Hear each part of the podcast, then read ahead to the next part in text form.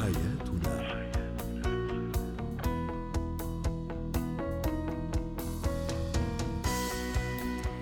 أهلا بكم معنا من جديد أنتم تستمعون لبرنامج حياتنا برنامجكم الذي يعنى بشؤون الأسرة وباقي الشؤون الحياتية الأخرى.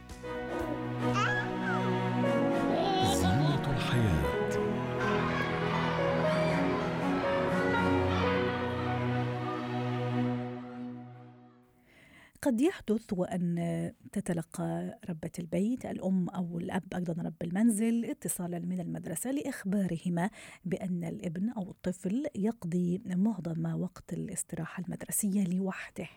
لمعرفة أسباب هذا السلوك وهذا التصرف تنضم إلينا عبر الهاتف من القاهرة دكتورة أميرة الفيشاوي الخبيرة النفسية والتربوية. مساء الخير دكتورة أميرة.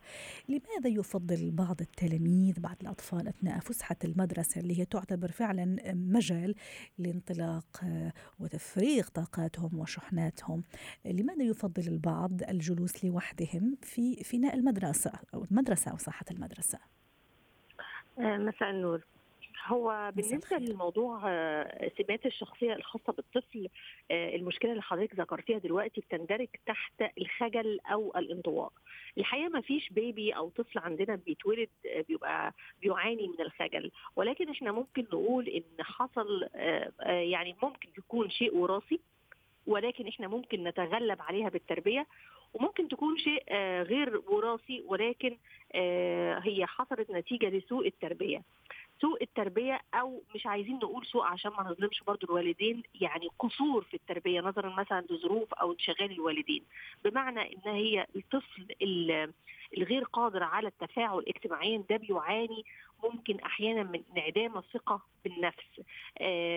وبالتالي هنا آه، الأهل هم آه، كانوا ما قدروش ينموا فيه ثقه بالنفس ما كانوش بيدوه المدح ما كانوش بيحسوه انه هو ذو آه، مركز قوة.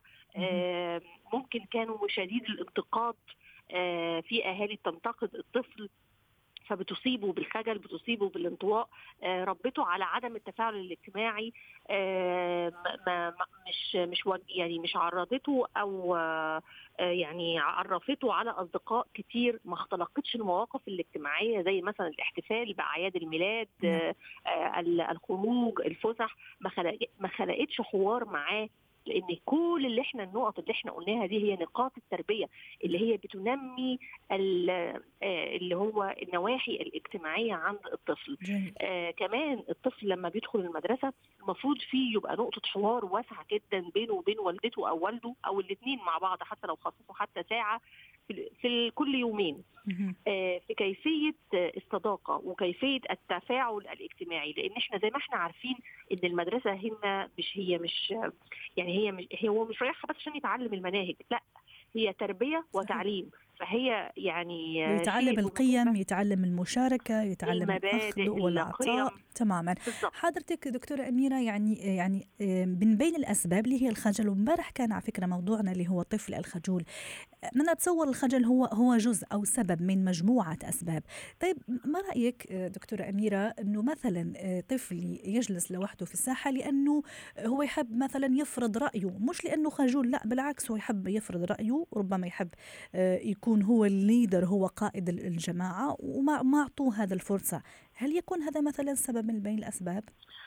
آه الطفل leader أو قائد الجماعة هو غالبا وبنسبه 90 أو 99% إن هو بينجح إنه يكون ال leader وما بيقبلش نفسه إن هو ينطوي أو ينهزم آه فهو آه، ده احتمال يعني ممكن إحنا ممكن بنقعد مع الطفل وبنشوف إيه المشكلة وبنتكلم معاه يعني هي ممكن تكون كده بس أعتقد إنه ده احتمال بشكل ضعيف نعم. لأن الليدر حتى لو اخذ موقف من أصدقائه بيبقى بشكل بشكل مؤقت نعم. وبيرجع لهم بعد كده أقوى عشان يفرض بيخش لهم بحيلة أخرى عشان نعم. يفرض برضه رأيه عليهم جميل. إنما الطفل اللي هو دائم الوحدة وإن هو على طول منطوي وإن هو على طول ما بيعرفش يواجه المواقف الاجتماعية وبينهزم نفسيا ده اللي بيبقى على طول لوحده. إنما الليدر هو لا ده ممكن يبقى بشكل مؤقت بيديها لاصدقائه كنوع من العقاب. أنا هعاقبكم وهمشي وخاصمكم علشان بعد كده إيه أرجع لكم تاني بقى تمشوا تحت أوامري. فبيبقى هو فاهم هو بيعمل إيه وكمان بيبقى ذكي جدا وبيرجع يعني. بيخطط وفعلا بينجح في ده. جميل. لكن هل الطفل ده هو كده على طول ولا ده بشكل مؤقت؟ فلو هو كده على طول لا يبقى هنا ممكن طب هي ممكن تبقى مشكلة تنمر إن الطفل هو ضعيف الشخصية وإن هو بينهزم آه آه قدام أي تنمر. في برضه مشكلة عندنا اسمها التنمر وهو إن في جروب من الأطفال ممكن يتنمروا ضد طفل ويحطوه مثلا محط سخرية. أيوه. نظرا مثلا للبسه أو لشكله أو أو أو أو لو شافوه فيه أي حاجة ويبدأوا بقى إيه يشتغلوا عليه زي ما بنقول. نعم. آه، الأطفال آه، للأسف يعني مش للأسف هو ده مراحل تطورهم. حضرتك لو درست كده الحالات في كل المدارس هتلاقي نفس المشاكل بنفس الطرق التعامل آه، في كل مدرسة إن في تنمر إن في طفل بيتنمر بيه إنهم. آه، ممكن بيقعدوا يتريقوا عليه يسخروا منه. فممكن في الآخر هو ما ترباش على كيفية مواجهة هذه المواقف فبيضطر الانعزال والايه وال وإن هو ما يتفاعلش اجتماعيا. فهنا لازم لازم بالتكاتف طبعا بالمدرسة مع الوالدين لو لاحظوا مشكلة كده الأول المدرسة طبعا هي هتحاول تحلها سواء أخصائية اجتماعية أو نفسية بتقعد مع الطفل بتشوف إيه المشكلة وبأمانة لأن طبعا آه، النفسية عندنا إحنا أهم يعني يمكن هي أصلا اللي بتبقى دافع للتعليم وللنجاح. لو النفس لو نفسية الطفل ده مش متظبطة حتى لو هو عنده قدرات عالية في استيعاب الدراسة نعم. هتنزل. طيب فلازم- إحنا الآن ممكن دخلنا الموضوع آخر اللي هو التنمر اللي كمان قد يكون سبب من بين الأسباب. طيب دكتورة أميرة هل أنا أستنى أنه ابني يجي يقول لي إنه مثلا ماما أو بابا أنا ما عم أجلس لو أو عم أجلس لوحدي في فناء المدرسة أثناء الفسحة ولا لازم أنا أراقب أسأله كيف كان يومه كيف كانت فسحته كيف كانت استراحته أو أيضا زي ما تفضلتي ذكرتي نقطة مهمة اللي هو مشاركة المدرسة أيضا وإشراكهم وتشارك معهم في في يوميات ابني. آه بصي حضرتك كل أم آه، أكيد ولو حتى هي مش مدياله قدر آه أصل دايما الطفل اللي بيبقى بيفضل العزلة ممكن يكون بيعاني من نقص حنان أو نقص توجيهات أو نقص احتواء نعم. فحتى لو نفترض إن في أسرة نظرا لانشغالهم من الأب الاب والأم يعني آه منشغلين في العمل آه، بيجوا آه، لازم قبل أعتقد يعني إن هو قبل ما بينزل من المدرسة بيدوك بضعة نصايح. آه، خليك كويس مع زمايلك اسمع كلام المدرس واحد اتنين تلاتة. فالطفل هنا لما بيحصل له حالة عزلة أو وحدة مستحيل مستحيل يروح يقول لوالدته ده أنا والله مش لاقي اصحاب وهم متجاهليني وأنا قاعد لوحدي. بيحس بيعتبر إن دي إهانة فبيضطر هنا إن هو يخبي على والدته. فممكن المشكلة تكبر وإحنا مش واخدين بالنا. فبالتالي هنا بقى لازم إحنا كأولياء أمور إن إحنا نتابع ونراقب عن طريق المدرسة يكون في مثلا أخصائية ننزل حتى بشكل أسبوعي دوري نسال نسأل عليه وما نسألش بس على التحصيل الدراسي نسأل على التفاعل الاجتماعي والنفسي. آه كمان آه إحنا نقدر نعرف كل حاجة من أولادنا من خلال الحوار. إحنا مش هنخسر أي حاجة لو عودنا ابننا أو بنتنا على الحوار. لأن أحيانا الطفل بيعاني من مشكلة. وبيبقى عايز يقولها بس مش قادر يقولها. مستني اللحظة لما مامته وباباه يقعدوا معاه هتلاقيه هو اوتوماتيك حكالك. إنما انت لو مش يعني مش كلمتيه ومش ومش عرفتي اللي جواه ممكن يخبي والمشكلة تكبر خالص واضح. ويتجه بقى في اتجاه خاطئ. لو أصدقائه مثلا من أصدقاء السوء ممكن يجروه مثلا لحاجة غلط. نعم. شكرا لك دكتورة أميرة الفيشاوي الخبيرة النفسية والتربوية. نعتذر منك فعلا لضيق الوقت والفكرة وصلت. يعطيك العافية. كنت معنا من القاهرة. جمالك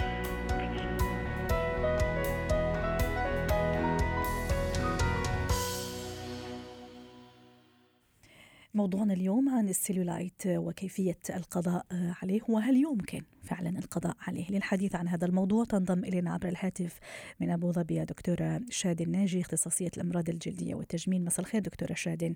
هي مشكلة تؤرق الكثير من السيدات السيلولايت هل يمكن القضاء على هذه المشكلة والتي لا تعتبر في الحقيقة مشكلة صحية بل هي إحدى ظواهر الجلد الطبيعية؟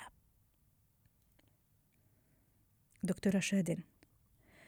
إذا نعود ونتصل مرة أخرى في انتظار معاودة الاتصال مع دكتورة شادن أو أذكر موضوع اليوم وهو السيلولايت الذي هو في الحقيقة ليس مشكلة صحية لكن واحد واحدة من أهم الظواهر الجلدية الطبيعية التي تحدث للكثير من الأشخاص. ودعنا الحديث عن السيدات اليوم. الحديث موجه لي أيضا للسيدة. وهو ليس بالضرورة دليل على زيادة الوزن أو السمنة إلا أنه شائع بين هؤلاء. نعود ونستقبل مرة أخرى دكتورة شادن ناجي عبر الهاتف دكتورة شادن كيف يمكن القضاء على هذه المشكلة؟ آه، طبعا مشكلة السيلوليت هي مشكلة موجودة عند 90% من النساء يعني حتى ممكن نقول حتى لحد ممكن توصل ل 95% من النساء بعد عمر معين بعد سن ال 18 سنة بنشوف إنه هاي المشكلة موجودة في منطقة من مناطق الجسم وكل ما تقدمنا بالسن أكثر بنشوف إنه المشكلة بتصير ظاهرة أكثر. آه، المشكلة هي عبارة عن إنه بصير في الألياف آه، بتقسم المنطقة الشحمية وبالتالي بتكون مرتبطة مع الجلد وبصير مظهر الجلد ما متجانس. طبعا أشياء على المناطق اللي بتصير فيها هي منطقة الفخذين آه، وحتى منطقة المؤخرة وكمان حتى آه، منطقة الفلانكس أو الخواصر. آه، مثل ما قلنا هي هو يعتبر مرض أكثر ظهورا وأشيع ظهورا عند النساء وهو محصور تقريبا بالنساء، هلا الفكرة اللي هون نقول عليها إنه أول شيء كيف نقدر نحن نوقي حالنا من إنه آه، يصير عندنا سيلولايت؟ نعم. نقدر بإنه أول شيء ننتبه دائما على طبيعة الغذاء تبعنا، تناول الأشياء المالحة أو الملح بكميات كبيرة، هذا كثير بيكون له دور بإنه يصير في عندنا تخزين ماء بالجسم وبالتالي إنه يصير السيلوليت أوضح وظاهر بشكل أكبر، آه لازم دائما نحاول نحن نكون عندنا ال body mass تبعنا متوازن كتله الشحم الموجودة بجسمنا مقبولة نوعا ما لحتى نمنع إنه نكون في عندنا تراكم آه، شحم بمناطق متعددة نعم. بشكل كبير يكون يخلي مظهر السيلوليت أكثر طيب. هي إذا عم نحكي عن طبعا الرياضه بتساعد كثير المشي آه، كمان بيساعد كثير على إنه تكون الموضوع أقل آه، مضايقة يعني أو إنه يكون ما كثير زعجه للمريض طيب دكتوره شادن ما بقى لنا كثير وقت للأسف لكن نحاول كذا يعني نعطي أكبر عدد طبعا. ممكن من المعلومات بالنسبة للعلاج الحلول الحلول, الحلول. فينا نحن ممكن يتم حل مشكلة السلوليت بتطبيق أجهزة خاصة من اللي تحتوي على أشعة ال radio frequency اللي هي طاقة الأمواج ال radio frequency يعني. هي نعم. بتساعد كثير إنه هي تعطينا مظهر متجانس بالجلد بتخفف من ظهور السيلوليت وبالتالي كمان بيكون آه، آه، عندنا المنطقة مثل ما قلنا متجانسة أكثر كم جلسة مثلا تحتاج السيدة؟ تمام. على الأقل لازم نعمل ست جلسات آه، بمعدل كل 15 يوم جلسة. ولازم ننتبه إنه بعد ما بنعمل هدول الجلسات لازم يكون في جلسات متابعة لحتى نحاول إنه دائما يكون في آه، آه، تخفيف من تكدس الشحوم بهي المنطقة. هي أول شغلة. الشغلة الثانية في أجهزة جديدة في جهاز اسمه جهاز السلفينا واللي هو عبارة عن تقطيع للألياف بآلية خاصة بيتم من خلالها حل مشكلة السيلوليت الموضع. يعني بمناطق معينة إذا كان في عندنا dimples أو مثل غميزات صغار من السيلوليت هذا ممكن إنه نفوت نحن ونحرر هالارتباط الموجود على الجلد وبالتالي نحسن من مظهر السيلوليت بس مثل ما عم أقول هذا فقط في المناطق اللي بيكون آه، فيها سيلوليت بشكل آه، آه، موضع.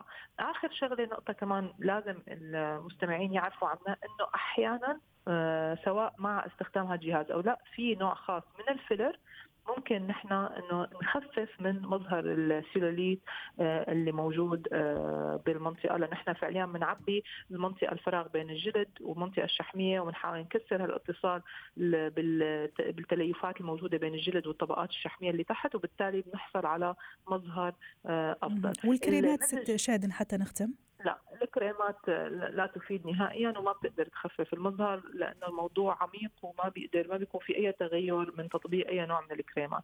المساج اليدوي أيوة. آه ممكن كمان إنه يساعد على تحسين المظهر ولكن يكون لازم يكون مساج من نوع خاص آه يعني قوي بحيث إنه يقدر يعمل مثل آه مثل لما بنعمل تكسير الدهون بال بال, بال, بال بالأجهزة بس إنه نعم. أحيانا ممكن يكون بشكل يدوي. شكرا لك دكتوره شادن الناجي اختصاصية الأمراض الجلديه والتجميل. يعطيك العافية ومسائك سعيد.